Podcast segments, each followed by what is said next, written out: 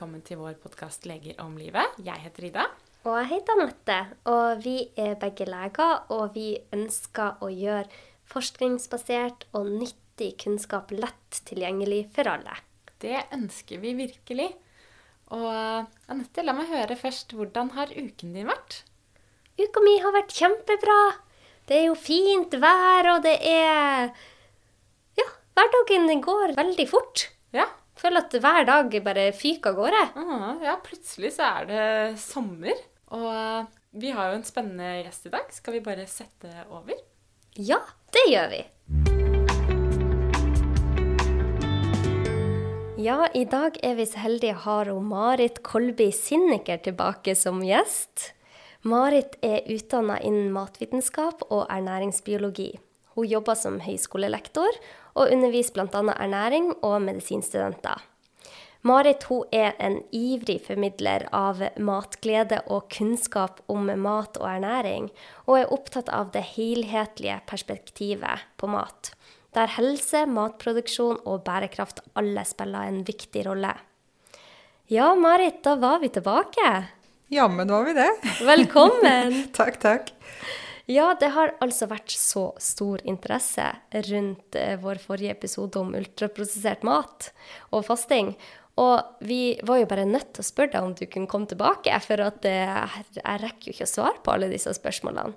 Så det er tydeligvis et tema som veldig mange syns er interessant.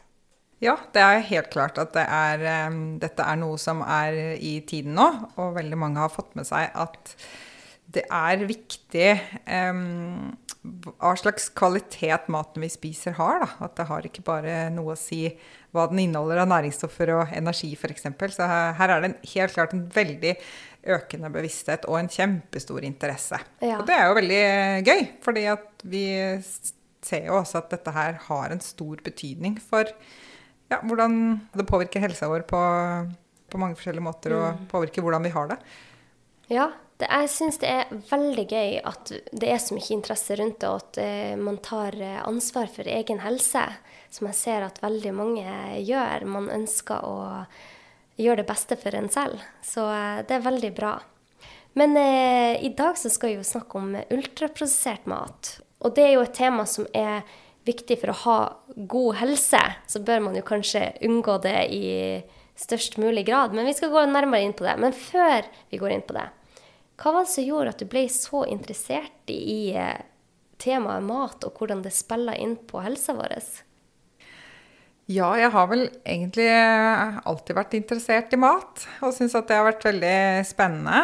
Men øh, den store interessen for koblingen mellom mat og helse, den kom egentlig først da jeg selv begynte å reagere på mat og fikk matintoleranser som påvirket meg på veldig mange forskjellige måter. Og da skjønte jeg hvor kraftfullt dette her er, eh, og mm. hvor stor betydning det vi spiser kan ha. Og, ja, og at man kan i veldig stor grad gjøre noe med helseproblemer da, ved å endre kosten sin. Mm. Og da Det sparket jo i gang den interessen, og senere så har jeg vært eh, ja, veldig ivrig formidler av det budskapet, da, og prøver å få den kunnskapen ut, hvor eh, potent dette her er. Um, og hvor viktig det er at den maten vi spiser, er bra. Mm. Mm, og, for, og, særlig med tanke på altså forebygging. ikke sant? Vi har så lite fokus på forebygging i vårt samfunn. Det er veldig mye fokus på på medisin, og hvordan medisinsk behandling skal bli bedre. Og det er selvfølgelig kjempefint, for vi skal ha det også. Men det ultimate målet må jo være å forebygge sykdom. Og mm. unngå at folk blir syke i utgangspunktet. Og når vi blir syke av den maten vi spiser, da må vi jo gjøre noe med den maten. Og ikke behandle symptomene når de eh, har oppstått, da. Mm. Veldig godt poeng. Ja, så ultraprosessert mat har jo eh, det blitt mer og mer av. Vi spiser jo mer og mer av ultraprosessert mat, og det ser ut til at den trenden ikke har tenkt å snu med det første. Det viste seg jo Jeg så en studie fra USA som viste at uh, ultraprosessert mat er hovedkilden til 58 av kaloriene som spises i USA, og bidrar med nesten 90 av energien vi får fra tilsatt sukker. Så det er jo enormt. Over halvparten av maten vi spiser, er ultraprosessert. Og jeg tror ikke det er noe bedre her i Norge. Har ikke du noen statistikk på det? Ja, eh, vi mangler faktisk akkurat den statistikken. Eller de Vi mangler gode studier på det i Norge. Vi har ikke studert hvor stor andel av energien vi inntar som er fra, fra ultraprosessert mat i Norge. Så vi må basere oss på noen andre mål. Det vi har noe data på, er hvor mange av de matvarene vi kjøper i butikken som er ultraprosessert. Men da er det jo da altså antall matvarer som blir skannet i en matbutikk. Der er vi ca. på 60% i Norge. Ja. Men så vet vi da ikke hvor stor andel det utgjør i energiinntak. Hvis man også ser på hvor mye penger vi bruker, altså relativt til inntektsnivå på ultraprosessert mat, så ligger vi også veldig høyt i forhold til andre land. Mm. Som er naturlig å sammenligne oss med. Der ligger selvfølgelig også USA på toppen. De er rett og slett dårligst på mat. Ja. men, men, vi ligger på, på åttendeplass på den statistikken, og faktisk over Storbritannia. Oi. Så vi bruker en stor andel av den En stor andel av de pengene vi bruker på mat, bruker vi på å kjøpe ultraprosessert mat. Ja. Mm. Så vi kan jo anta at det inntaket av ultraprosessert mat i Norge også er høyt. Det, selv om vi ikke vet akkurat hvor, hvor, høyt det er i energiandel. Mm. Det forskes nok på, så vi får vel de tallene etter hvert. Men så 60% av matvarene vi kjøper i butikken, er ultraprosessert. Det er jo enormt. Men hvorfor er det problematisk? Ja, um, det er problematisk fordi at et høyt inntak av ultraprosessert mat det er koblet mot mange forskjellige typer sykdommer. Og det er disse sykdommene som er de store bidragsyterne da, til uhelse i samfunnet. De som er det vi kaller for ikke-smittsomme sykdommer, eller kroniske sykdommer. Og de som utgjør det meste av disse, det er hjerte- og karsykdom, det er diabetes type 2, det er kreft, og det er noen av de som på en måte tar mest friske leveår fra folk, da, og medfører for tidlig død. Og vi vet at et høyt inntak av ultraprosessert mat er koblet mot disse helseproblemene. De, det er også koblet mot mange andre helseproblemer. Og altså mange andre risikofaktorer for helseproblemer, da, sånn som f.eks. metabolsk syndrom, eh, høyt blodtrykk, eh, overvekt og fedme. Det er koblet mot eh, fordøyelsesproblemer som irritabelt tarmsyndrom. Eh, det er koblet mot eh, skrøpelighet hos eldre. Det er koblet mot generell, altså for tidlig død uansett årsak. Eh, og det er også kommet i løpet av de siste par årene kommet tre studier som kobler et høyt inntak av ultraprosessert mat mot depresjon. Så dette her viser seg Den sammenhengen viser seg ikke bare i disse skal vi kalle det somatiske sykdommene, eller fysiske sykdommene, på en måte, men også da mentale lidelser. Da. Så, ja, så det vil da omfatte egentlig veldig store deler av befolkningen, hvis man begynner å telle opp alle de som rammes av en eller annen sånn type lidelse. Så det sier jo noe om forebyggingspotensialet her, da. Mm. Så det er på en måte, ja, det er en årsak til at det er skadelig, men hvorfor er den ultraprosesserte maten skadelig? Det kan vi jo grave mye mer ned i, i detaljene. Hvis du vil at vi skal gå dit allerede ja. nå. Eh, hva det er med maten, på en måte. Ja, jeg tenker, jeg syns det er veldig interessant når du sier at det både går på det somatiske og det mentale. Og det vi ser, er jo at disse to er ikke separate enheter. Vi er kobla Hele kroppen er jo kobla sammen. Hjernen er jo en del av kroppen. Ja, mm. og jeg er så glad for at vi begynner å sette fokus på det. Så har ultraprosessert mat vist seg å påvirke tarmfloraen vår?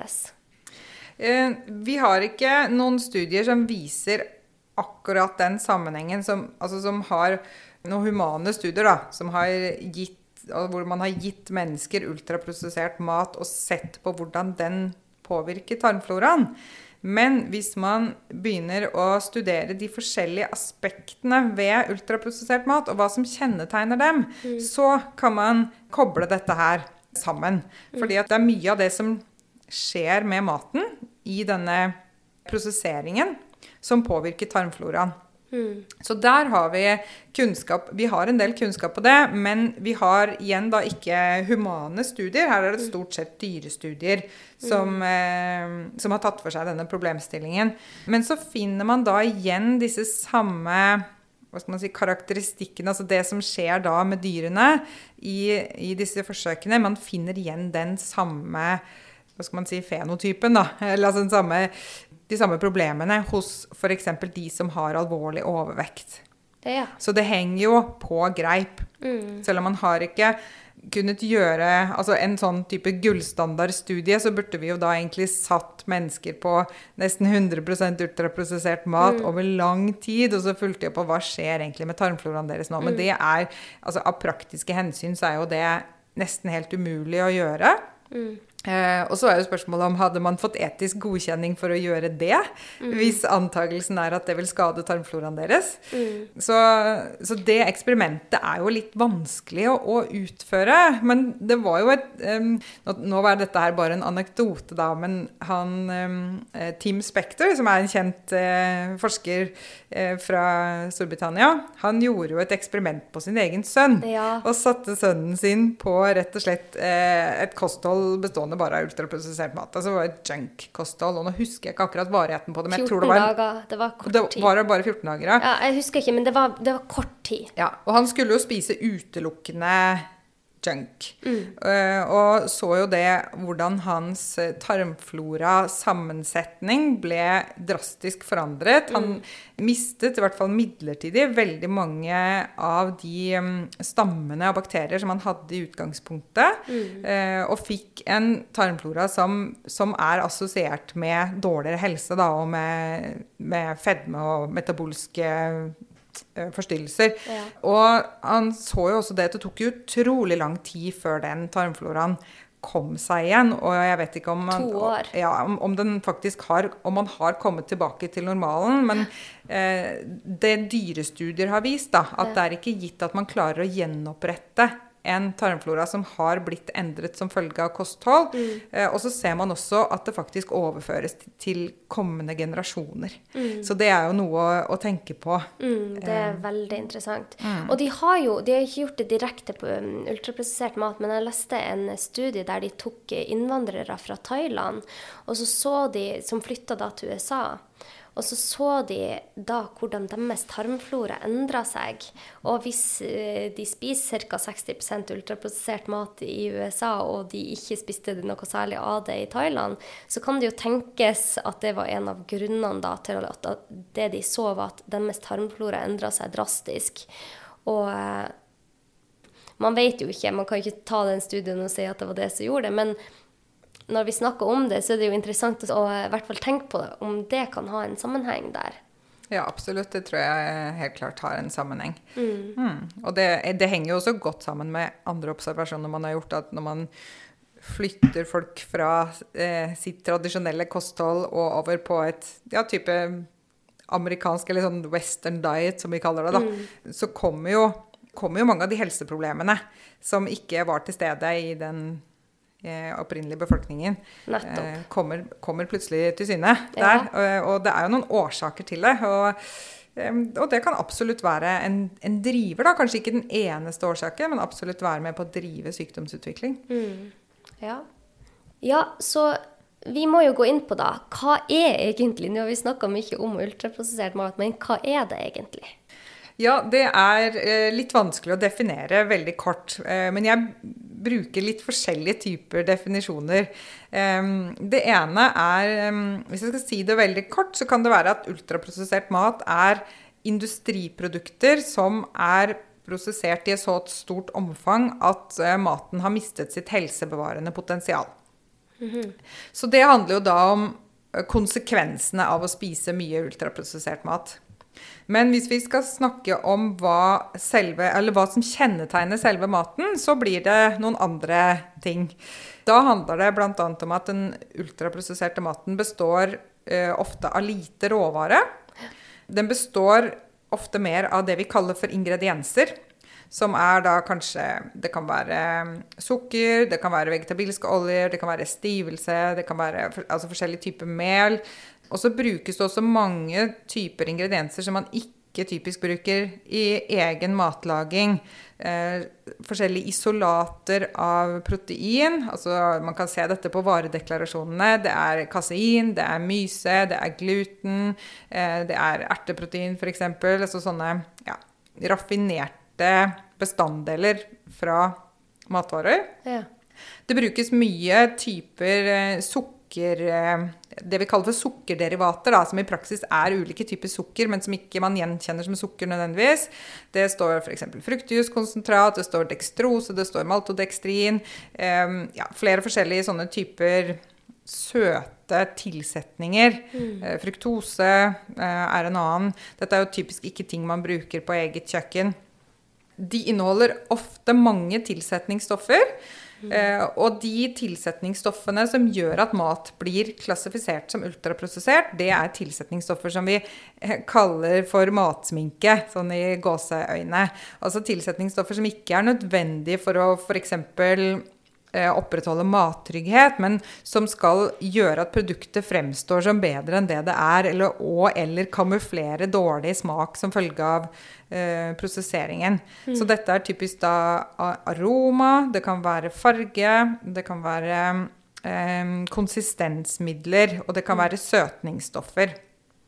Og disse kommer vi kanskje litt tilbake til etterpå Ja. eh, i forbindelse med dette med tilsetningsstoffer. Mm. Eh, så det er jo noe med hvordan de er eller hva de inneholder. Og så vil den ultraprosesserte maten også ha gjennomgått veldig mange typer prosesser, som vi også ofte ikke gjør noe særlig i eget eh, hjem, da på eget kjøkken, eller ikke har mulighet til å gjøre. Eh, og her er det mange typer prosesser som, som ikke merkes på deklarasjonen. Så forbrukeren vet jo ikke at dette her har skjedd med maten. Men det er ting som hydrogenering, altså det vi kaller for herding av fett. Ehm, Det kan være noe som vi kaller for ekstrudering, som man bruker til å lage sånne puffy varianter av kornprodukter. Altså tenk deg disse frokostproduktene, f.eks. Eh, og så kan det også være omfattende typer varmebehandling. Eh, gjerne altså flere forskjellige sånne eh, prosesser. Eh, så de fysisk-kjemiske prosessene har også noe å si, og de endrer matens struktur og hvordan de påvirker oss. Og så er også disse matvarene, eller disse ultraprosesserte matvarene, noe som kjennetegner dem, er at de er ofte veldig sånn snedig og fint eh, emballert. Da? De har en tiltalende innpakning. Ofte så er det helsepåstander på innpakningen. At jeg står f.eks. at det er mindre fett, eller at det er magert, eller at det er lett, eller et eller annet sånt noe. Um, og så markedsføres de veldig aggressivt. Så hvis man setter sammen alle disse faktorene jeg nevnte nå, og ser at en matvare liksom krysser av i disse rutene, da kan du være veldig sikker på at det er et ultraprosessert produkt. Ja. Så det er litt komplisert. Etter det sist gang vi snakka, Marit, så har jeg satt meg litt eh, mer inn i det. Og det er litt komplisert, men det lar seg gjøre for eh, hver og en å kunne skille mellom ultraprosessert og prosessert hvis man leser varedeklarasjonen. Og det jeg bitt meg merke i etter sist gang vi snakka, var at f.eks. veldig mye av disse leverposteiene inneholder først vann. Ja, Jeg ble helt eh, sjokkert over det når du sa det sist gang, at eh, de har vann som første ingrediens igjen for å spare inn på For det er jo mye dyrere å ha 80 eh, lever enn å ha ja, 60 vann. Så derfor tilføyer man tilsetningsstoffer sånn at den skal få den konsistensen og den smaken den skal ha med såpass mye vann. Det, det er sånne eh, aha-opplevelser jeg har hatt siden sist gang vi snakka. Men det jeg syns er vanskelig, er å skille mellom den ultraprosesserte maten og den prosesserte maten i mange tilfeller. Og jeg har jo ringt deg og spurt deg er dette ultraprosessert eller er det bare prosessert. Men det var en, en link du ga meg. Kanskje vi skulle si det her i podkasten. Til der, en nettside der de viste til der man kan gå dypere inn i temaet. Å ja, den derre uh, What they are and how to identify them. Ja, Ja. den skal vi legge ut. For den var veldig fin. Men eh, du har jo laga en eh, kort oppsummering av det på din eh, nettside, så jeg skal legge det ved. Fordi at det, er jo forskjellige grader av prosessering. Kan ikke du gå inn på det? Eh, ja, du tenker på denne NOVA-klassifiseringen? Ja. Ja. Ehm, for da, når vi snakker om ultraprosessering, så må man jo nesten ha med seg litt om det. Ehm, for dette med ultraprosessert er jo et nytt begrep som kom i 2009. Før det, før det så hadde vi ikke dette begrepet. Da skilte man på en måte ikke på prosessert, på grader av prosessering. Så det dette her kommer jo da fra en matklassifisering som ble laget for å kunne skille ut de mest omfattende prosesserte matvarene. Eh, og i denne klassifiseringen så skiller man da mellom det som kalles for råvarer og- og minimalt prosessert mat, som da er matvarene sånn som vi høster dem i naturen, eller som bare er ja, lite prosessert, da. Ja, så i forrige episode vi hadde med deg, Marit, så gikk vi inn på hvordan man så forskjellen på eh, prosessert og ultraprosessert. Så hør den episoden hvis man lurer eh, på det. Men det jeg tenkte, og vi kunne gå inn på, som er veldig interessant, er dette med ultraprosessert mat og hvordan det påvirker eh, og sulthetshormonene våre. Kan ikke du fortelle litt om det? Jo, eh, dette her er jo noe vi har litt data på, og det skulle jeg absolutt ønske meg flere studier på. og Det håper jeg kommer til å komme også i fremtiden, at man får undersøkt dette bedre. Eh, Men vi har noe data fra en studie av aller høyeste kvalitet. eh, Fra en, eh, en intervensjonsstudie hvor deltakerne oppholdt seg i en sånn metabolsk enhet, sånn at man hadde fullstendig kontroll på dem og visste alt hva de spiste. Og, eller de ble jo servert all maten de skulle spise. Eh, og i denne studien så var deltakerne enten på et ultraprosessert kosthold, som var totalt dominert av ultraprosessert mat, eller da på et, det de kalte et uprosessert kosthold, som ikke inneholdt noe ultraprosessert mat. Men for det meste ferskt tilberedte måltider av råvarer. Og det man så, var at når deltakerne da gikk på dette uprosesserte kostholdet, så skilte de ut mindre sulthormon. Eh, og vi kjenner bare til ett sulthormon foreløpig, og det kalles grelin. Og det skilles ut eh, hovedsakelig i magesekken. Når magesekken er tom, så begynner vi å skille ut grelin, og så stiger nivåene av grelin. Og det som skjer da, er at vi får de signalene inn i en liten sånn eller to sånne små um, cellepopulasjoner i hypotalamus som styrer sult og metthet. Så da signaliserer greline der, og så får vi da beskjed om at nå er du sulten. Ja. Og de skilte da mindre ut, eller skilte ut mindre av dette eh, grelinet når de spiste uprosessert mat. Så de var rett og slett mindre biologisk sultne, som jeg kaller det da. ikke sant? Fordi at dette her er jo biologi. Eh, Og sult og metthet, det er jo ikke noe vi sitter og bestemmer oss for å være. Og så var de mer biologisk mette, fordi de skilte ut mer metthetshormoner. Og vi har et helt batteri av forskjellige metthetshormoner som skilles ut i tarmen som en følge av at maten kommer ned i tarmen. Så kommer det masse forskjellige signaler. Og disse signaliserer også tilbake til disse cellepopulasjonene i hypotalamus. Eh, og gir da beskjed om at nå kan du avslutte dette måltidet fordi at nå er du mett. Ja. Så det er, hele den, det er en sum av flere forskjellige sånne innkommende signaler inn i dette sult- og metthets... Ja, denne sult- og metthetssentralen da, i hjernen som vil styre hvorvidt vi er sultne eller er mette. Eh, så derfor så, så er vi nødt til å spise mat som gjør oss biologisk mette. Og det ser ut til at den minst prosesserte maten er den som da gjør oss biologisk mette. Ja. Men av en eller annen grunn så signaliserer ikke denne ultraprosesserte maten tilbake til hjernen på samme måte. Så ender vi opp med å, få, med å spise for mye, da. Ja, og det er kjempeinteressant det du sier, Marit. Fordi at fordøyelsen vår den innebærer en kompleks serie med hormoner og signaler mellom tarmen og nervesystemet vårt. Og det tar rundt 20 minutter eh, før hjernen vår klarer å registrere metthetsfølelsen. Så det man ser på ultraprosessert mat, sier du, er at de metthetshormonene blir skilt ut i mindre grad. Men det som òg er interessant, som vi bare kan gå kjapt inn på, er det at når man spiser Ofte når man spiser mens man gjør noe, så er det ofte ultraprosessert mat. F.eks. når man ser på TV, spiser man potetgull. Eller hvis du sitter framfor dataen, så sitter du og spiser en mellombar. Og det gjør jo noe med kroppen vår når vi spiser mens vi gjør noe annet òg. Fordi vi forteller ikke kroppen vår at Oi, her, her, ser jeg på maten, her tygger jeg den, her eh, prosesserer jeg den. Og ja, man er ikke til stede mens man spiser maten.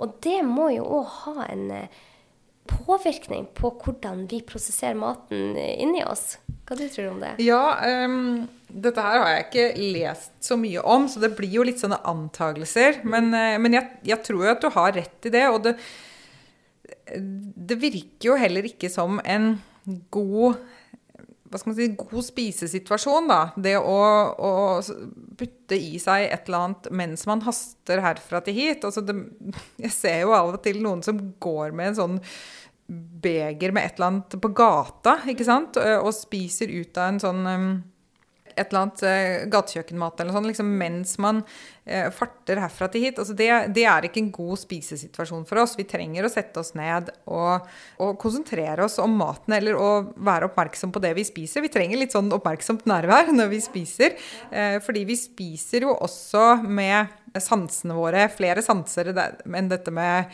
magesekken som skal fylles. ikke sant? Vi skal, vi skal, smake på maten, vi skal nyte maten. Det skal jo smake godt, og man skal jo kjenne etter hva som skjer når man spiser. Man skal være sulten når man spiser, og man skal kjenne at man blir mett, og man skal tygge og gjøre alle disse tingene som, eh, som er en, en, del av å spise. da. Og dette trenger å samspille i et måltid. Du var inne på tilsetningsstoffer, Marit, og dette syns jeg er veldig interessant. For man har jo tilsetningsstoffer i mye mat. Og ikke alle av disse tilsetningsstoffene trenger å være uh, ugunstige for oss. Men jeg skulle gjerne ha visst hvordan tilsetningsstoffer har vist seg å være ugunstige for oss, sånn at vi kan unngå de. Ja, um, det er jo litt interessant fordi at en del av disse tilsetningsstoffene som ser ut som de kan være ganske problematiske, det er jo typisk disse tilsetningsstoffene som brukes i den ultraprosesserte maten. Mm. Eh, og det er som du sier, vi skal ikke ta ned alle tilsetningsstoffene. Eh, mange av de er veldig nyttige, og vi skal bruke dem bl.a. for å lage trygg mat og holdbar mat og, og slike ting. Og bruk av f.eks. sånne konserveringsmidler, det er ikke noe som gjør mat ultraprosessert. Så det er andre typer tilsetningsstoffer som skal ja, gjøre produktene bedre enn det de er. Altså få produktene til å fremstå som veldig attraktive, da. Mm. Og, og, ha på en måte god konsistens, god smak, eh, god lukt, eh, fin farge, alt dette her. Det er de stoffene som ser ut som de kan være problematiske. Eh, og da er det et par hovedgrupper jeg vil trekke fram. Og det ene er det vi kaller for konsistensmidler. Mm. Eh, og innenfor disse konsistensmidlene så er det noen som utmerker seg og ser ut som de er spesielt problematiske. Og eh, dette er først og fremst basert på dyrestudier. Mm. Eh, og hvis man tenker at det ikke har human relevans, så må man tenke seg om litt. Fordi at disse tilsetningsstoffene de er godkjent på grunnlag av dyrestudier. Så det er det vi har brukt til å vurdere risikoen i utgangspunktet. Mm. Og da tenker jeg at hvis vi ser negative effekter på dyrestudier, så må det også være relevant andre veien. Det som er Problemet er at det er en del effekter vi ikke har testet tilsetningsstoffene for. Og det er bl.a. effekter på tarmfloraen, og hvordan det igjen kan føre til endringer i metabolisme og immunresponser. Mm. Og det er akkurat dette vi ser nå på noen typer tilsetningsstoffer. Eh, og det er bl.a. noe som kalles for karboksymetylcellulose, eller natriumkarboksymetylcellulose, som er da saltet av det samme stoffet. Mm. De er merket E466 eller E467. Dette er stoffer som brukes eh, mye i iskrem f.eks. Det brukes også i litt forskjellige sauser, i noen drikker. Det brukes da for å skape konsistens, altså for å gjøre noe mer, eh, litt mer tyktflytende. Eh, det kan også brukes i noen få bakevarer, sånn tortillalefser eller noe sånt. Og det kan brukes i kokosmelk. Det brukes i lett kokosmelk for å gjøre den tykkere. Ja. Eh, Så dette dukker opp i ganske mange forskjellige produkter. Hvis man gir karboksymetylcellulose til mus i konsentrasjoner som er under eller tilsvarende det man kan få i seg ved å spise ultraprosesserte matvarer, så skjer det at det beskyttende slimlaget som ligger utenpå tarmen vår, og som skal forhindre at bakteriene kommer helt inntil tarmcellene, det blir nesten helt borte. Og dermed så kommer bakteriene helt inn til tarmcellene. Og dette utløser inflammasjon i tarmen.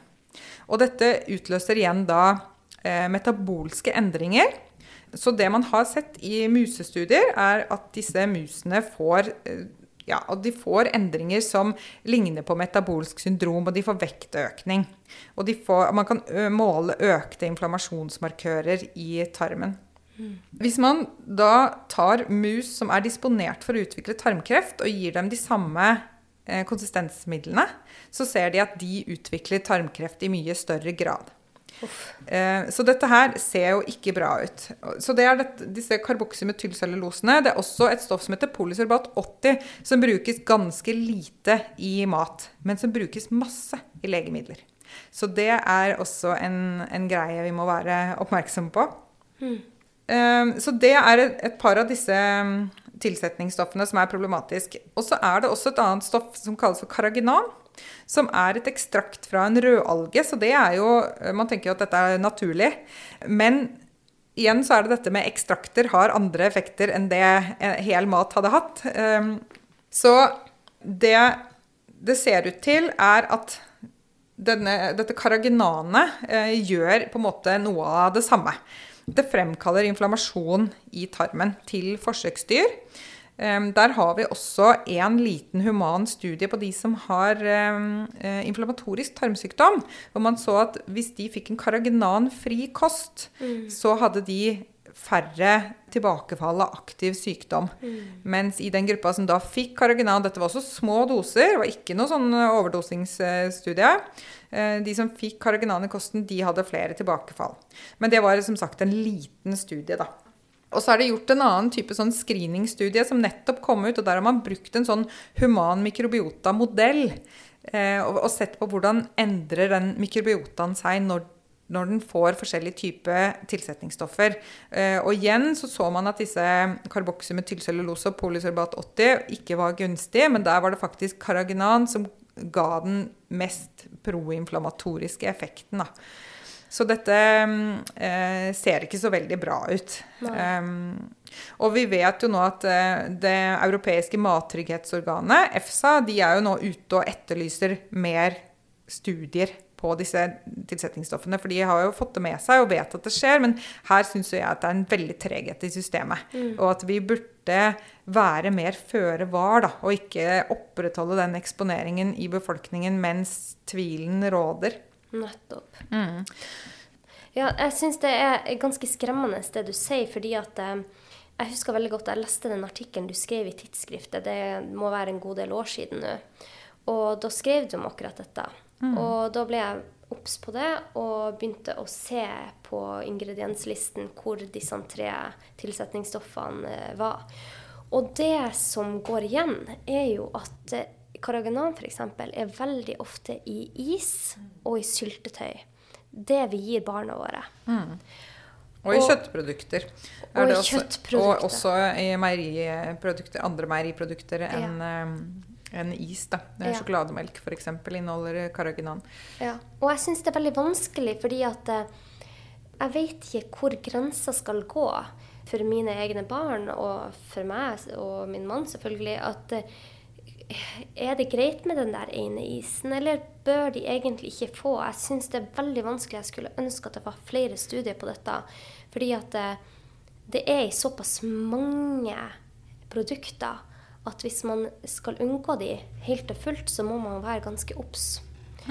Og eh, ja, jeg gleder meg rett og slett til at det kommer mer studier på dette, sånn at vi får litt eh, flere svar. Men jeg tenker at det er veldig greit å bare være klar over. For før så har vi sagt sånn tilsetningsstoff, og det er jo ikke så farlig, herre min, nå må vi ikke overreagere. Men eh, de fleste tilsetningsstoffer heldigvis er ikke så farlige. Og noen av de er jo, tilsetningsstoffer er jo faktisk vitaminer og, og slike ting. Men når vi vet det vi vet om disse tre forskjellige, så tenker jeg at det er greit å være klar over. Ja, absolutt. Eh, og det du nevner der, er jo um, dette med hvordan skal man gjøre det til praksis. Det er jo ikke noen lett uh, greie, syns jeg. Og det er noe jeg sliter med selv også. Vi er med egen familie, hva skal vi gjøre ikke sant, med barna våre? Vi kan jo ikke man kan jo heller ikke for det første unngå alt. Man, mm. Det er van veldig vanskelig å unngå all eksponering, siden det er i så veldig mange typer matvarer. Mm. Men det vi gjør hjemme, da, at vi unngår å kjøpe f.eks. kjøttpålegg som har, uh, har, det i seg. Mm. Eh, leverpostei, f.eks. Masse av disse dårlige leverposteiene som du snakket om i stad, som egentlig er vannposteier med leversmak, de mm. har karginan i seg. Mm. Eh, så det, det, kjøper vi ikke. Det vi også har gjort, er at vi har kjøpt en ismaskin. Så vi lager rett og slett hjemmelaget is. Eh, av rett, bare bra kvalitetsvarer, ikke sant. Vi bruker fløte, vi bruker egg, og vi bruker noe smakstilsetning, og det blir helt fantastisk is. Sånn at hjemme Oi. så spiser vi is uten disse tilsetningsstoffene. Ja.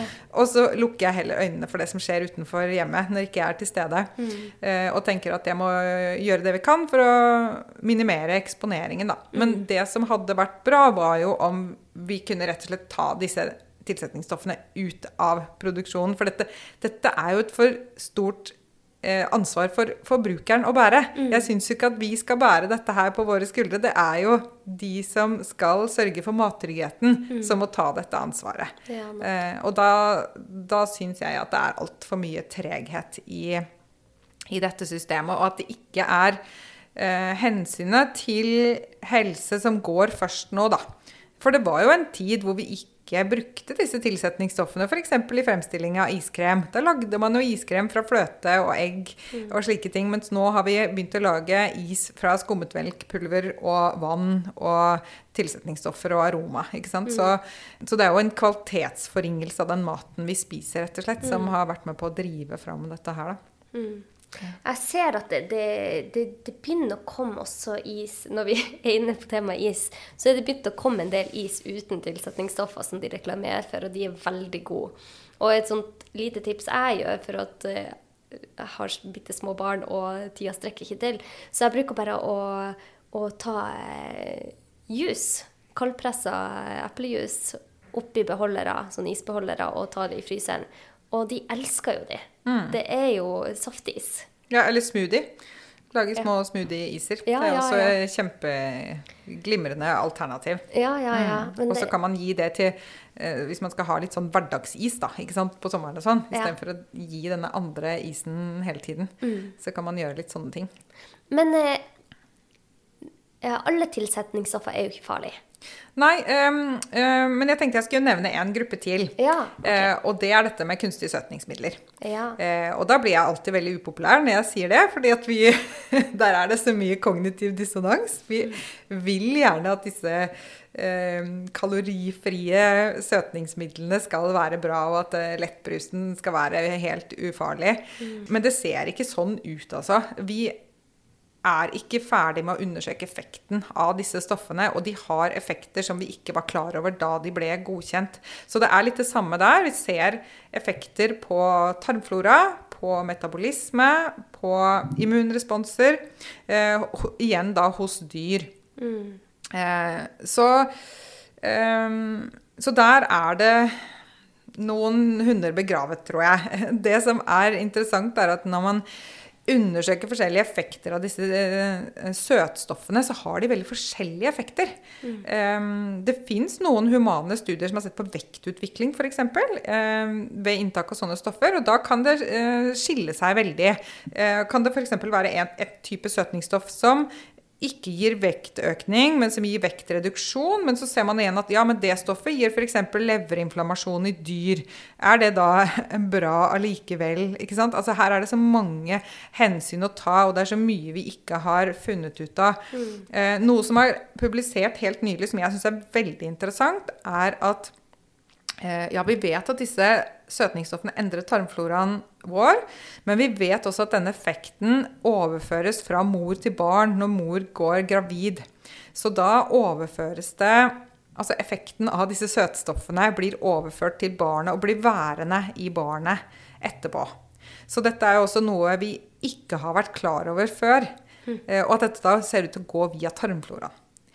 Um, så dette her er effekter vi absolutt bør være oppmerksomme på. Og igjen da så har vi ikke undersøkt effekter på tarmflora og metabolisme og immunresponser fra disse stoffene her. Men hvordan går det over For et barn har jo ikke en tarmflora fra start av. Det, det utvikles jo når de blir født. Hvordan, hvordan Ja, det? er vel litt usikkert. Uh, men det vi vet, er jo at mor overfører jo sine tarmbakterier til barnet via morsmelken, annet. Ja, ja. Eh, sånn at eh, mors tarmflora vil da eh, reflekteres i barnets tarmflora. Eh, og så er det jo ikke bare Dette handler jo ikke bare om eh, levende bakterier. Dette handler jo også veldig mye om bakteriemetabolitter. Som vil påvirke oss i veldig stor grad. Og disse kan jo da overføres f.eks. via placenta da, i svangerskapet. Men vi er ikke ferdig med å, å finne ut av akkurat selve mekanismene der. Men vi ser at responsene, eller vi ser at effektene er der. Og at mors inntak av, eh, av kunstig søtning i svangerskapet påvirker barnets metabolisme eh, i Oi. etterkant. ja, det er skremmende. Ja, det er, det er mye som gjenstår. Men eh, det er fint å eh, i hvert fall få snakka om det vi vet. Så får man eh, konkludere hver og en hva som er rett for en selv. Ja, ikke sant? Og så er det jo ikke nødvendigvis sånn at, at det trenger å være helt svart-hvitt. Ikke sant? Men det er veldig stor forskjell på å gi et sånn klarsignal til å drikke fire liter lettbrus om dagen, og til å si at du må aldri drikke lettbrus. Altså det, ikke sant? det trenger ikke å være de ytterpunktene. Man kan si at hvis det virkelig gir deg livskvalitet, så drikk nå en halvliter lettbrus på lørdag, liksom. Eh, eller vanlig brus, for den saks skyld. De ser jo ut som de er omtrent like problematiske. Men det er noe med å være oppmerksom på at alt vi drikker og spiser, påvirker oss på en eller annen måte. Ja, så det blir jo summen av det hele. Men hvis den summen av ultraprosessert blir veldig høy, så er det ja, Det vil være generelt i befolkningen mange som påvirkes eh, negativt av det, da. Ja, det er helt sikkert og visst, Marit. Vi kunne ha snakka om dette i timevis, men jeg tenkte at vi må gå inn på spørsmål fra lytterne. Fra forrige gang du var gjest, så eh, har vi fått masse, masse spørsmål om ultraprosessert mat. Eh, vi har jo gått inn på dette med hvorfor ultraprosessert mat ikke er bra for oss. Jeg tenkte bare jeg skulle nevne fort en studie eh, som ble publisert i mm, The British Medical Journal, for at det er flere som har etterspurt eh, artikler og studier. Og det var en studie som ble mm, gjort i Frankrike, hvor eh, de så en sterk sammenheng med ultraprosessert mat og sykdom. Der var det en stor fransk befolkningsstudie som de kalte Nutrinet Santé-studien, hvor over 100 000 deltakere hadde svart på spørsmål om kosthold og livsstil. Og forskerne lette etter koblinga mellom ultraprosessert mat og hjertesykdom. Og disse resultatene viste at for hver tiende prosent økning i andelen av ultraprosessert mat i kosten, så hever det risikoen for hjertesykdom med tilsvarende 10% Det er jo skremmende. Ja, absolutt. Og nå har det jo eh, kommet flere Det er, eller det, det er mange studier nå på ja, kardiometabolsk helse, da, eller eh, hjerte- og karsykdom, eh, og ultraprosessert mat. Eh, og der har det også kommet systematiske reviews og metaanalyser som alle peker i samme retning. Ja. Så der begynner den mengden evidens å bli veldig bra. Og denne Nutrinett-Santé-studien som du nevner, der, fra den så har det også kommet mange andre interessante artikler på forskjellige helseutfall. Det som er fint med den studien, er at de har, altså deres spørreskjemaer er så detaljerte. De er helt ned på produktnivå, sånn at de kan veldig godt skille ut hva som er prosessert og hva som er ultraprosessert. Og de aller færreste sånne kohortstudier har jo så gode spørreskjemaer, så da må man ofte gjøre litt sånn antagelser, mens, mm. mens der vet de veldig godt eh, eh, hva det er de snakker om. Og nå har de også etablert den samme typen studie i Brasil. eh, Og den har pågått noen år nå, så den driver også og samler data. Så da vil vi også etter hvert kunne få se mer eh, med samme høye kvalitet da, på spørreskjemaene. Så, eh, så mer treffsikkerhet på en måte på hva er det vi faktisk undersøker her. Så det blir interessant å se hva som kommer der òg. Men også fra den samme studien i Frankrike så har vi jo sett eh, samme sammenheng med, med kreft, f.eks. Ja. Um, og også flere andre helseproblemer, da. Men når du nevner Brasil, kan du ikke bare fortelle hvordan du gjør det i Brasil? For jeg syns det er et foregangsland på akkurat kosthold. Ja, altså de har jo noen fantastiske kostråd. Ikke sant? Brasil kom jo da i 2014 så kom eh, reviderte kostråd i Brasil. Og eh, det er jo noe av det mest eh, inspirerende jeg noen gang har lest sånn fra myndigheter om eh, dette med kosthold. Ja. Eh, de har en helt annen tilnærming, rett og slett. Eh, og de har laget kostråd basert på denne NOVA-klassifiseringen som vi snakket om i forrige podkast. Ja. Eh, Så de snakker om kvalitet på mat og hva det er vi skal spise, ikke ut fra et energi- og næringsstoffperspektiv, men ut fra hele matvarer. Eh, Sånn som vi faktisk høster dem i naturen, da. ikke sant? De snakker om, om råvarer og om forskjellige grader av prosessering og hvilken betydning det har. Og for å oppsummere veldig sånn kort hva de egentlig sier, så sier de at, at du skal la råvarer og minimalt prosessert mat være basis for kostholdet ditt. Ja. Og så skal du bruke disse prosesserte ingrediensene i små mengder til å tilberede mat fra råvarer og minimalt prosessert mat. Eh, og så skal du bruke litt, eh, men begrense inntak av prosessert mat, men også bruke de da som tilbehør til måltider basert på råvarer. Tenk f.eks. at man spiser kanskje noe brød til en suppe, eh, man har noen ost på en gratinert rett, ikke sant? Ja. Eh, Men at ikke det på en måte er hoveddelen av kostholdet. Mm. Og så sier de veldig klart og tydelig 'unngå ultraprosessert mat'. Ja. Og det er det jo veldig få kostråd som gjør. Altså en så klar og tydelig anbefaling om å unngå den typen mat. Det som også er fantastisk med de brasilianske kostrådene, er at de vektlegger viktigheten av måltider. Og at måltider er en sosial hendelse, eh, og at vi trenger å ivareta det. Viktigheten av å lage mat fra bunnen av. Eh, Så de har en, en sånn helt annen tilnærming, veldig sånn helhetlig tilnærming til dette med kosthold og helse. da.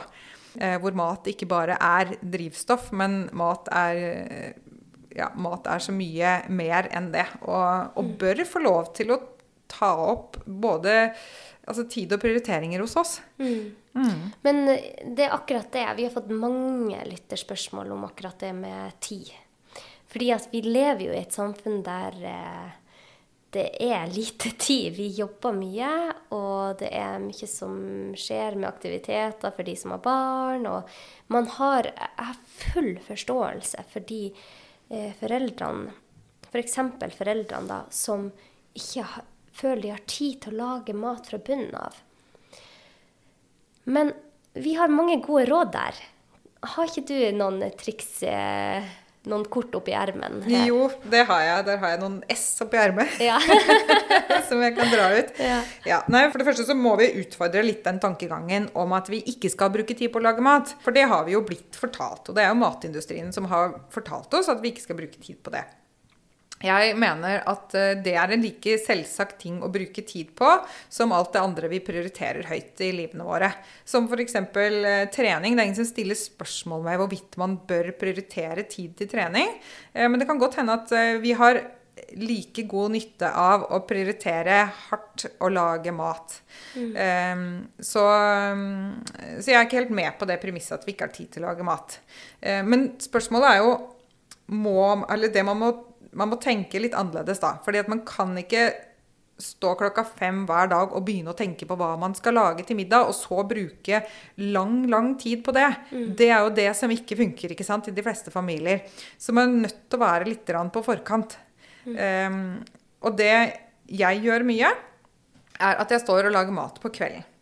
Og da eksempel så har jeg kanskje podkast på øret. Det er jo så mye fantastisk man kan høre på. Mm. og blir bare underholdt eller lære eller hva som helst. ikke sant? Eh, og da kan jeg stå en time eller et eller annet, kutte grønnsaker, lage supper, gryteretter, slike ting. Og lage store porsjoner, sånn at det kan være flere måltider for familien. Samme med f.eks. baking. ikke sant? Bake, bake, brød. Sette deigen om morgenen og steke den på kvelden, eller, eller omvendt. Um, men man må selvfølgelig planlegge litt for å få til sånne ting. Mm. Uh, så man må jo planlegge innkjøpene sine. Det nytter heller ikke å liksom stå i butikken i, i det alle er sultne og tenke på hva man skal spise. Man må tenke på hva skal vi spise i over i morgen, og dagen etter det, og dagen etter det, osv. Men hvis man først klarer å komme inn i en rutine hvor man ligger litt i forkant og har forberedt en del ting, så går dette her etter hvert veldig, veldig mye bedre. Og da klarer man selvfølgelig ikke å snu alt på en gang, men hvis man klarer å liksom sette i gang den tankegangen, mm. så kan du f.eks. hvis du står og kutter grønnsaker eller står og forbereder en salat til middag, da, så kan du tenke på Kan jeg lage to eh, ferdige bokser med salat som kan være lunsj de neste par dagene, f.eks. Mm. Og så ha de da ferdig i kjøleskapet. For man kan ikke bruke all den tiden til å tilberede hvert eneste måltid til hvert eneste måltid. Nettopp. Man må preppe, man må forberede, og man må eh, ja, ha en plan for hva man skal spise. Mm. Og så er det selvfølgelig også det der med hva gjør man når hverdagen treffer deg i ansiktet? For den mm. gjør jo det av og til. ikke sant? Den dagen kollapset, og det møtet tok mye lengre tid, og der var det et barn som brukte, vi brukte en time på å få på et tøy, eller ikke sant. Altså, av og til så bare detter ting sammen, og da må man ha noen sånne go to-løsninger ja. som er enkle. Eh, og noe av det eh, man kan f.eks. gjøre da, er å lage omelett. Ja. Ikke sant? Helt enig. Ja, Da kan man lage en uh, omelett og ha litt uh, ost på. Kanskje du har noen paprikaskiver eller et. At det trenger ikke være så veldig avansert. Men det er mye bedre enn å spise den frossenpizzaen. Ja. Eller de Og like raskt. Ja, ikke sant. Det er så raskt. Og så er det også det med det er veldig mye av den maten vi kan lage som er veldig bra, som er veldig rask å mm. tilberede. Mm. Ja. Altså fisk og grønnsaker. Altså ta torskefilet bakt i ovnen med brokkoli til. Mm. Trenger ikke å være mer avansert enn det. Nei, det er kjempeenkelt, og det tar ikke lang tid. Nei. Det er bare å Hvis man innstiller på en måte den radaren sin på hva er det som er muligheter her, mm. eh, så fins de. Mm. Men så fins det selvfølgelig bra ferdigprodukter også. Så det er jo noe med å oppdage de. ikke sant? Mm. Å bli bli god på hvilke produkter kan jeg velge. Nå har du først lest på varedeklarasjonen og vet hvilke som er de bra alternativene. Så trenger du jo ikke gjøre det neste gang du er i butikken. Da vet du at ja, men det er jo de pølsene jeg skal ha, for de har 90 kjøtt. Ja. Eh, det er disse fiskekakene jeg skal ha, for de er bra kvalitet. Mm. Eh, jeg skal velge de og de og de tingene. Mm. Eh, så det er, det er, bare litt jobb i begynnelsen, og så etter hvert så slipper man å tenke. Ja. Pluss at det, det er jo også en del ferdige produkter som er bra. Eh, F.eks. Eh, sånne Fjordland-produkter. Der er det mye råvarer. Det er lite prosessert. Så det er jo Hvis du ser på veldig mange av disse Fjordland-middagene, eh, så kjenner du jo igjen råvaren. Ja. Du ser kjøttet, du ser fisken, du ser grønnsakene, alt det der. Mm. Så det fins jo ferdigmat også som er bra, og det fins mange ferdige supper og sånn som er kjempebra kvalitet. Um, så det er liksom bare å se seg om etter de bedre alternativene, så er de også der. Mm. Ja, så Du trenger ikke å dyrke din egen frukt og grønt i hagen og ha en sau og en gris og en, eh, to kyllinger, liksom. Det, det, det, trenger ikke å være eh, så ekstremt. Nei, det, det trenger ikke det. Er, det. trenger ikke å være så vanskelig. Ja, og sånn som det er hos oss, da. Vi er to voksne i hus som begge jobber mye, og vi har to kjempeflotte karer som eh, krever sitt. Og vi gjør f.eks. det. Vi lager eggerøre til middag med tomater og kokte brokkoli. Frosne brokkoli som er i fryseren, som du bare hiver opp i full fart. Eh, så får man i seg næringsstoffer, men det trenger ikke være så stort og pompøst. Eller fiskekake eller eh, omelett. Så er jeg òg blitt veldig fan av å forberede litt. grann. Sånn at hvis jeg lager en middag som er la oss si en kyllingsuppe, så lager jeg en dobbeltporsjon, sånn at vi har det på tirsdag og på torsdag. Mm, det er kjempesmart. Det har hjulpet meg veldig mye. Det er sånne småting som ikke jeg oppdaga for noen år tilbake, og jeg er veldig glad for at jeg har funnet ut at alt trenger ikke å være eh, kjempefancy og vanskelig å lage. Det er, enkle ting er kjempebra, det òg. Og da unngår man kanskje å spise en grandiosent til middag. Ja, ikke sant. Ja, det er det å se seg om etter mulighetene, så, så finner man dem. Ja, men nå skal vi gå inn på. Nå har jeg en eh, liten rekke med matvarer, og så skal du svare er disse ultraprosessert eller ikke. For det er masse matvarer jeg har fått spørsmål hos lytterne våre. Er du klar? Ja. Ok. Er dette ultraprosessert, ja eller nei? A. Brød.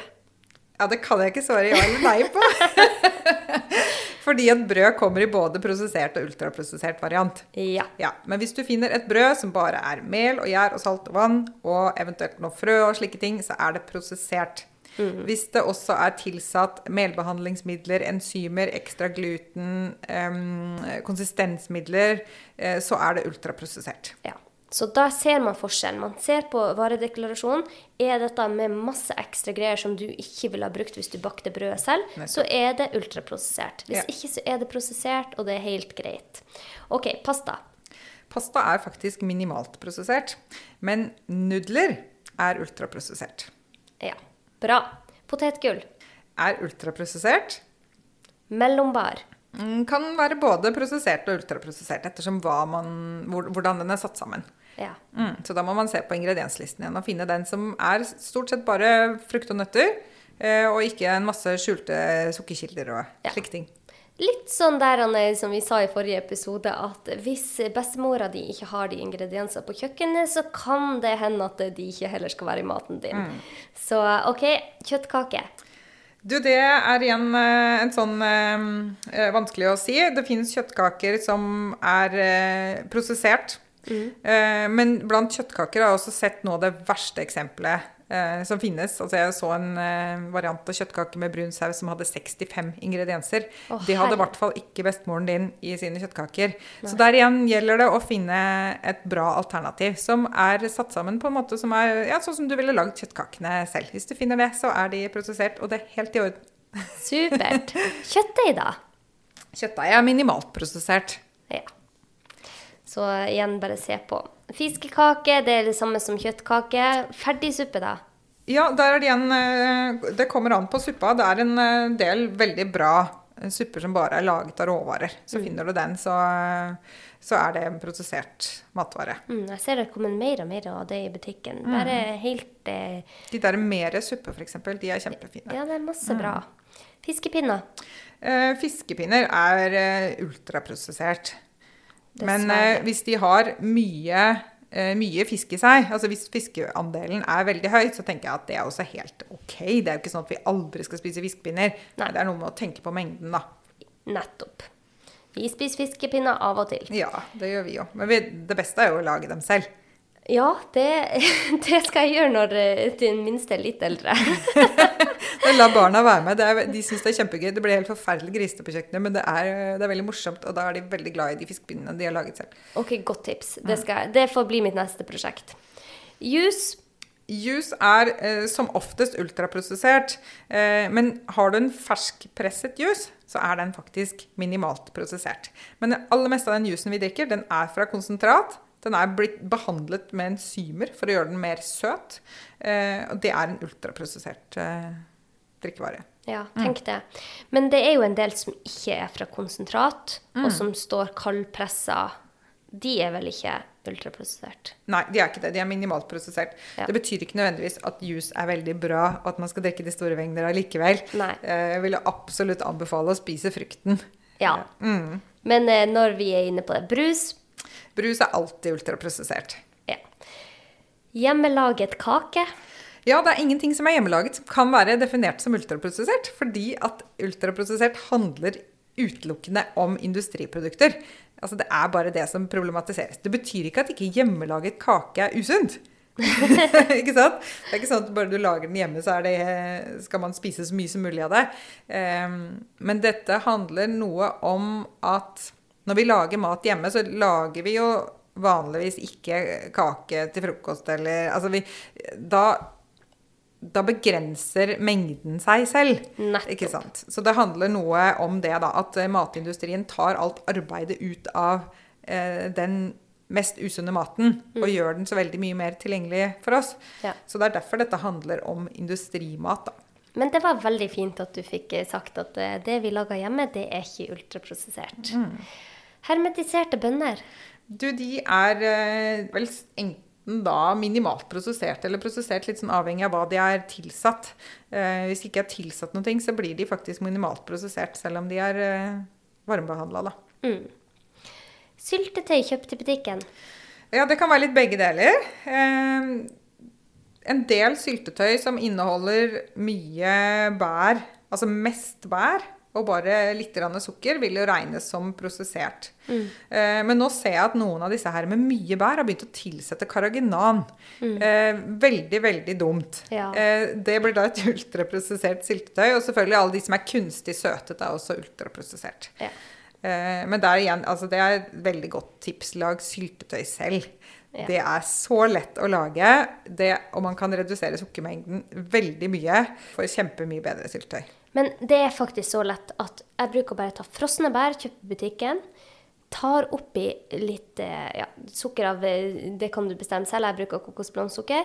Og så bruker jeg eh, skiafrø for fortykning. Oh, ja. Så enkelt. Og da er syltetøyet ferdig. Koker det lett opp, så er Ja. ferdig. Hva du gjør ja jeg lager, jeg lager syltetøy eh, selv. For jeg kjøper også frosne bær. Kjøper disse mm, økologiske bærene til kolonihage. Eh, og så bruker jeg litt sukker så Ca. 15% sukker. Så det er ganske lite, eller veldig mye mindre enn det som er i butikken. Men det er det familien min er vant til å spise, og det er det barna syns det er helt eh, topp. Ja, så det Kun det. Ja. Ja. Og, så, og syltepulver, da. Ja. For å få litt konsistens på det. Ja. OK. Nugatti, da? Er det ultraprosessert? Ja, det er jo noe Det var erkeproduktet jeg på å si, av ultraprosessert. Ja. eh, som inneholder veldig, veldig lite råvarer, bare masse sukker og Ja. Så det, det kan man også lage selv. Med masse hasselnøtter og litt mørk sjokolade og litt kokosfett. Det blir altså så godt. Det blir så godt. Ja. Jeg er helt enig, men det er lenge siden jeg har gjort det. OK, melk, da? Er det ultraprosessert? Nei, det er minimalt prosessert. Så det er også viktig å poengtere, for noen tror at sånne ting som pasteurisering er noe som eh, At dette handler om sånne prosesser, men det gjør ikke det. Pasteurisering er en eh, gjøres for å gjøre melka trygg. Ja, bra. Kjøttpålegg. Ja, da vil det være begge deler. Eh, gammeldags kjøttpålegg. Tenk at du fikk kjøpt hos slakteren for 40 år siden. Det ville typisk vært prosessert. Men nå er veldig mye av kjøttpålegget ultraprosessert. Eh, tilsatt disse konsistensmidlene som vi snakket om i stad, f.eks. karaginan. Eh, det er tilsatt mye vann for å spare på råvaren, sånn som disse leverposteiene vi har snakket om. Eh, så der fins det jo da f.eks. leverpostei som er ultraprosessert, og leverpostei som er prosessert. Mm. Og det samme med, samme med masse forskjellige typer kjøttpålegg. Så da må man se etter det som er mest råvare, minst erstatning for råvare og minst eh, tilsetningsstoffer, da. OK, og så er det dette med de her klemmeposene som er blitt veldig populære for barn. Ja. Sånne eh, smoothies for barn. Ja. ja de, det kommer litt an på innholdet. Eh, en del av de er tilsatt eh, fruktjuskonsentrat, og da er de ultraprosessert. Eh, men det er også noen av disse klemmeposene som bare er en fruktmos. Eh, og da er, de, da er de bare prosessert. Men det, det betyr ikke at de er bra av den grunn. For er det noe barn trenger, så er det jo å, å lære å spise mat som har den strukturen det har. Ja. Å lære å kjenne på det. Lære å, altså de trenger den tyggingen, ikke sant. De trenger å kjenne disse opprinnelige smakene. Og en, en annen, et annet problem med disse klemmeposene er jo at det er jo en forferdelig miljøgreie. Så, så det er jo en trend vi bare bør kvitte oss med så fort som mulig, mener jeg da. Ja, men det, ja, det er absolutt en del av det. Men det jeg syns er så vanskelig med det, er at det er ikke sant, morsmelka. De går fra morsmelk til klemmeposer, mange. Og morsmelk har veldig mye fett i seg. Klemmeposene er rene karbohydrater, det er rent sukker Ja. som går rett inn. Det er ikke Tarmfloraen, kroppen til et lite barn, er ikke laga for å få så store mengder konsentrert sukker på så kort tid. Så ja. Og ikke bare tarmfloraen, altså dette er jo hele fordøyelsesfloraen, og det starter jo i munnen. ikke sant? Masse fritt eh, tilgjengelig sukker som starter i, i munnen og former den eh, mikrobiotaen i munnen, som igjen former mikrobiotaen i, i tynntarmen, som igjen påvirker videre nedover. Så det er eh, absolutt noe å tenke på. Så ja, gi barna frukten hel, mener jeg, altså. Ja, og så skal man ikke føle skam hvis man har gitt barna sine de klemmeposene, for de står jo at de er økologisk, det er sunt. Det, det er veldig vanskelig å vite at det er kanskje ikke så heldig for barna. Nei, absolutt. Og jeg har gitt barna mine masse klemmeposer selv, for jeg var ikke klar over det på det tidspunktet. Nei. Da mine barn var så små. Og det var liksom eh, Ja. Virket som en, en eh, god løsning, men så har jeg skjønt det i ettertid, når jeg har lært mer, at eh, det, det er det jo overhodet ikke. Ja, nettopp. Så herre min, alle har eh, gjort det. Jeg har også spist masse rart, og det gjør jeg jo fremdeles for så vidt. Men, men bare det å ha den informasjonen lett tilgjengelig, så vil man endre vaner. Og det er jo det vi i denne podkasten prøver på. Å gjøre sånne små Gjør den lille informasjonen der lett tilgjengelig. Ja. Så tror jeg det vil, den trenden vil avta med innen kort tid, forhåpentligvis. Ja, og det er jo viktig, så fint, fint at du sier det der med at det er jo ikke sånn at man skal påføre noen noe skyld eller skam her, ikke sant? Men det er det at nå har vi funnet ut en del ting som vi ikke visste før. Og nå som vi vet det, så må vi gjøre ting litt bedre. Ja, da må man informere om det. Ja. Ikke sant? Ja. OK, så bra. Da har vi gått gjennom en eh, 15 matvarer som våre lyttere har lurt på. Så nå har vi jo gått inn på dette, hvordan man kan unngå ultraprosessert mat. Og vi har gitt tips eh, til hva man kan gjøre. Det er mange som har spurt hva man kan gjøre for å gjøre matpakken til barna sunn og enkel uten ultraprosessert eh, mat i seg. Ja, ehm, det aller beste tipset jeg har da, dette, jeg har et S til i ermet, Ja. det er å kjøpe en sånn liten mattermos eh, som kommer med sånn skje i lokket, eh, og så sende med barna middagsrester. Så lager man f.eks. gode gryteretter, mettende, gode supper, eh, slike ting. Og det er veldig mange forskjellige ting man kan putte på en sånn mattermos. Man kan putte rester av wok, ikke sant. Og tenke litt på å lage da middagsmat som funker på termos dagen etterpå. Fordi at da reduserer man litt eh, arbeidsmengden, ikke sant? hvis man allerede har maten ferdig. Og barna kan få veldig mye bedre kvalitet på maten. Eh, og så dette kan jo funke både for barnehagebarn og for skolebarn. Eh, så det er det beste tipset jeg har til det. Det var et kjempegodt tips. Det skal jeg gå til innkjøp på. Ja, det finnes sånne små Jeg, jeg tror de er sånn ca. 400 milliliter eller noe sånt. Ja. Kjempefine termoser. Eh, så det, det bruker vi masse hjemme. Og det tipset har jeg også gitt til venner som er så begeistret for det og bruker det masse. Og, eh, og rett og slett bare planlegge middagene sånn at de passer i termos dagen etterpå. Ja. Eh, så det, ja, det er det mitt beste stalltips der. Veldig Eh, bra. Ja. OK. Ja, så eh, det var jo noen som lurte på om barn blir like, i like stor grad påvirka av ultraprosessert mat som oss. Ja, det gjør de jo selvfølgelig. Og det som også er noe av problemet med den ultraprosesserte maten, er at det er lite næringsstoffer av det, altså det man trenger. da, ikke sant? Hvis du analyserer på, på den ultraprosesserte maten, så, så er den mindre næringsrik. Og barn er jo ekstra avhengig av å ha næringsrik mat fordi at de er i vekst og utvikling. Så de har jo et enda større behov faktisk enn voksne for at maten skal holde høy kvalitet. Eh, så de påvirkes jo absolutt negativt av det. Nå er jo noe av de helseproblemene som på en måte er mest fremtredende fra ultraprosessert mat, er jo eh, overvekt og fedme. Og nå er det sånn at når barn vokser, så har de jo et veldig høyt energibehov. Så det er ikke nødvendigvis sånn at man vil se det eh, eh, på en måte, Det er ikke sikkert at man ser effekten mens barnet vokser.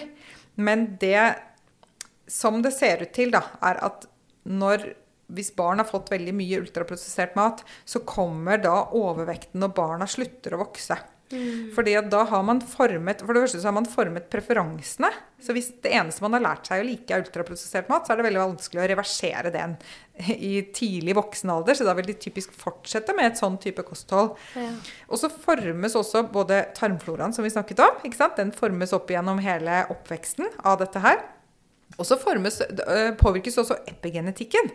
Genuttrykket vårt Ja. vil endre seg ettersom hva slags miljøpåvirkning vi har da, eller påvirkning fra maten. Og dette er jo ikke nødvendigvis heller reversibelt i etterkant.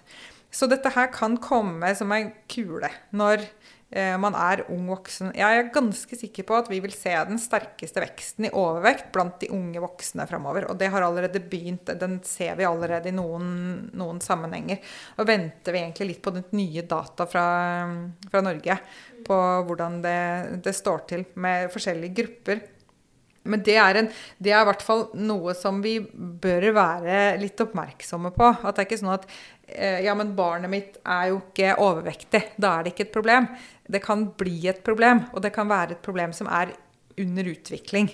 Selv om ikke de er overvektige. Så, så altså Barn Det er enda viktigere for barn å spise kvalitetsmat. Ja. Selv om det er viktig for alle, selvfølgelig. Ja, og mm.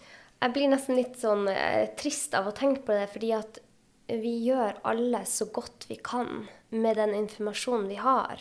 Så hadde denne informasjonen eh, vært distribuert til alle her i Norge, så hadde man tatt noen andre valg. Ja, men vi er så vant til å tenke på mat som energi og næringsstoffer. Vi, vi har ikke kommet langt nok med å endre hvordan det er vi skal vurdere maten vår. Mm. Jeg føler at vi er på vei der, og det er en Ja. veldig gryende interesse og en veldig mye større oppmerksomhet rundt dette her. Men vi, vi trenger rett og slett å avlære oss en del av det vi tror at vi har kunnet om mat. Lær litt mer av besteforeldrene. ja, ikke sant? Det er, det er noe som eh, argumenterer for at ja, dette her med prosesseringsperspektiv, det er jo bare nostalgi, ikke sant? Men det er jo ikke det.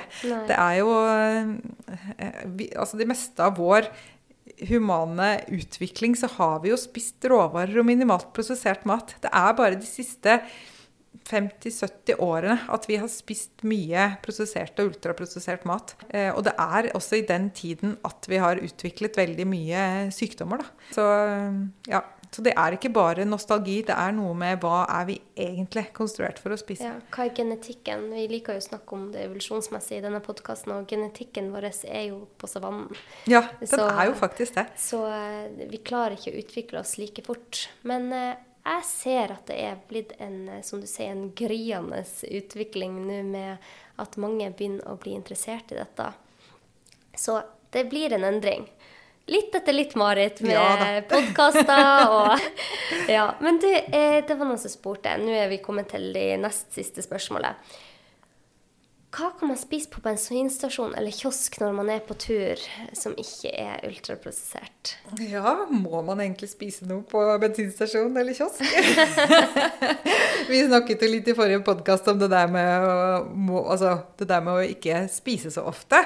Ja. Eh, Jeg tenker sånn at Hvis du ikke har noe bra tilgjengelig alternativ, så er det bedre å bare la være. Hoppe over det måltidet. Eh, Men det er jo en annen sak. Det var jo ikke det som var spørsmålet her, så jeg må svare på spørsmålet. Eh, Men altså, det man kan spise på bensinstasjon eller kiosk, altså det blir jo da Det blir jo frukt og nøtter, altså.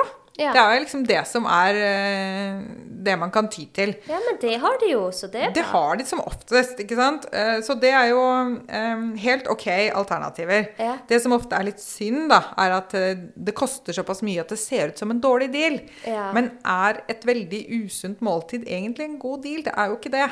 Nei. Ikke sant? Vi må jo også eh, snu tankegangen vår litt der, om det er noe vi skal eh, se på som positivt. da, At det er billig, ikke sant? Når det er veldig dårlig.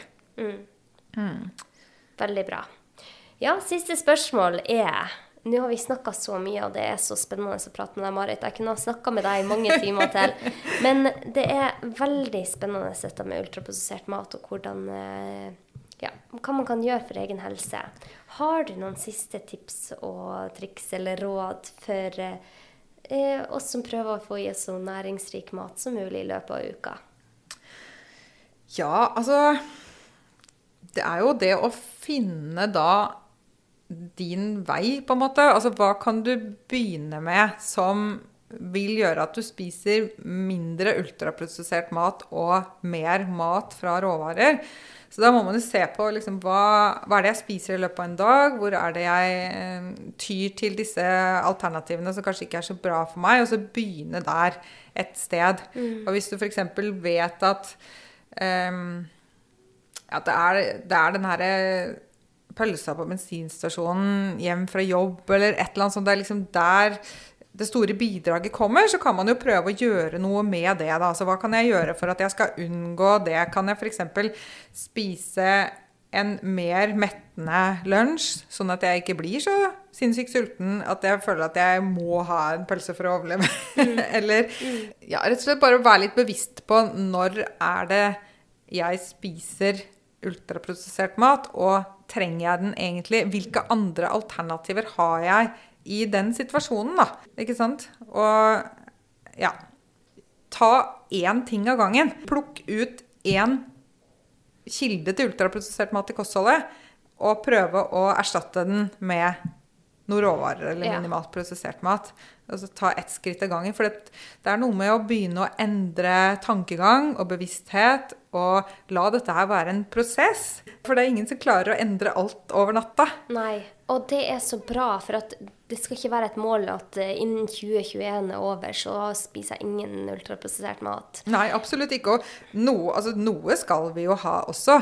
Vi skal jo spise noe mat som vi koser oss skikkelig med. Nettopp. Ja, og av og til så, så, så har det masse verdi å spise god sjokolade og potetgull og Ikke sant? Sånne ting. Kroppen tåler det når man spiser i bunn Ja. God mat. Mm. Det må bare ikke bli hverdagsmaten. Det må Ja. ikke være det vi lager som fundament for kostholdet vårt. Nei, det blir litt sånn hvis at eh, huset ditt er bygd opp av mur, så tåler den den der eh, stormen som kommer av og til. Men hvis huset ditt er bygd opp av strå og er skjørt nok fra før av, så tåler det ikke den ekstra belastninga. Så vi, vi, kroppene våre er rusta til mye. Men eh, det er bare greit å tenke på hva man gjør i hverdagen. Mm, absolutt. Ja, vi må bygge noen sterke, gode kropper i hverdagen. Ja, ja, ja. ja. Nei, men tusen hjertelig takk for at du ble med i dag, Marit. Det var kjempespennende å prate med deg. Jo, bare hyggelig. Det var eh, like gøy som sist. Vi høres nok. Ha det. Ha det.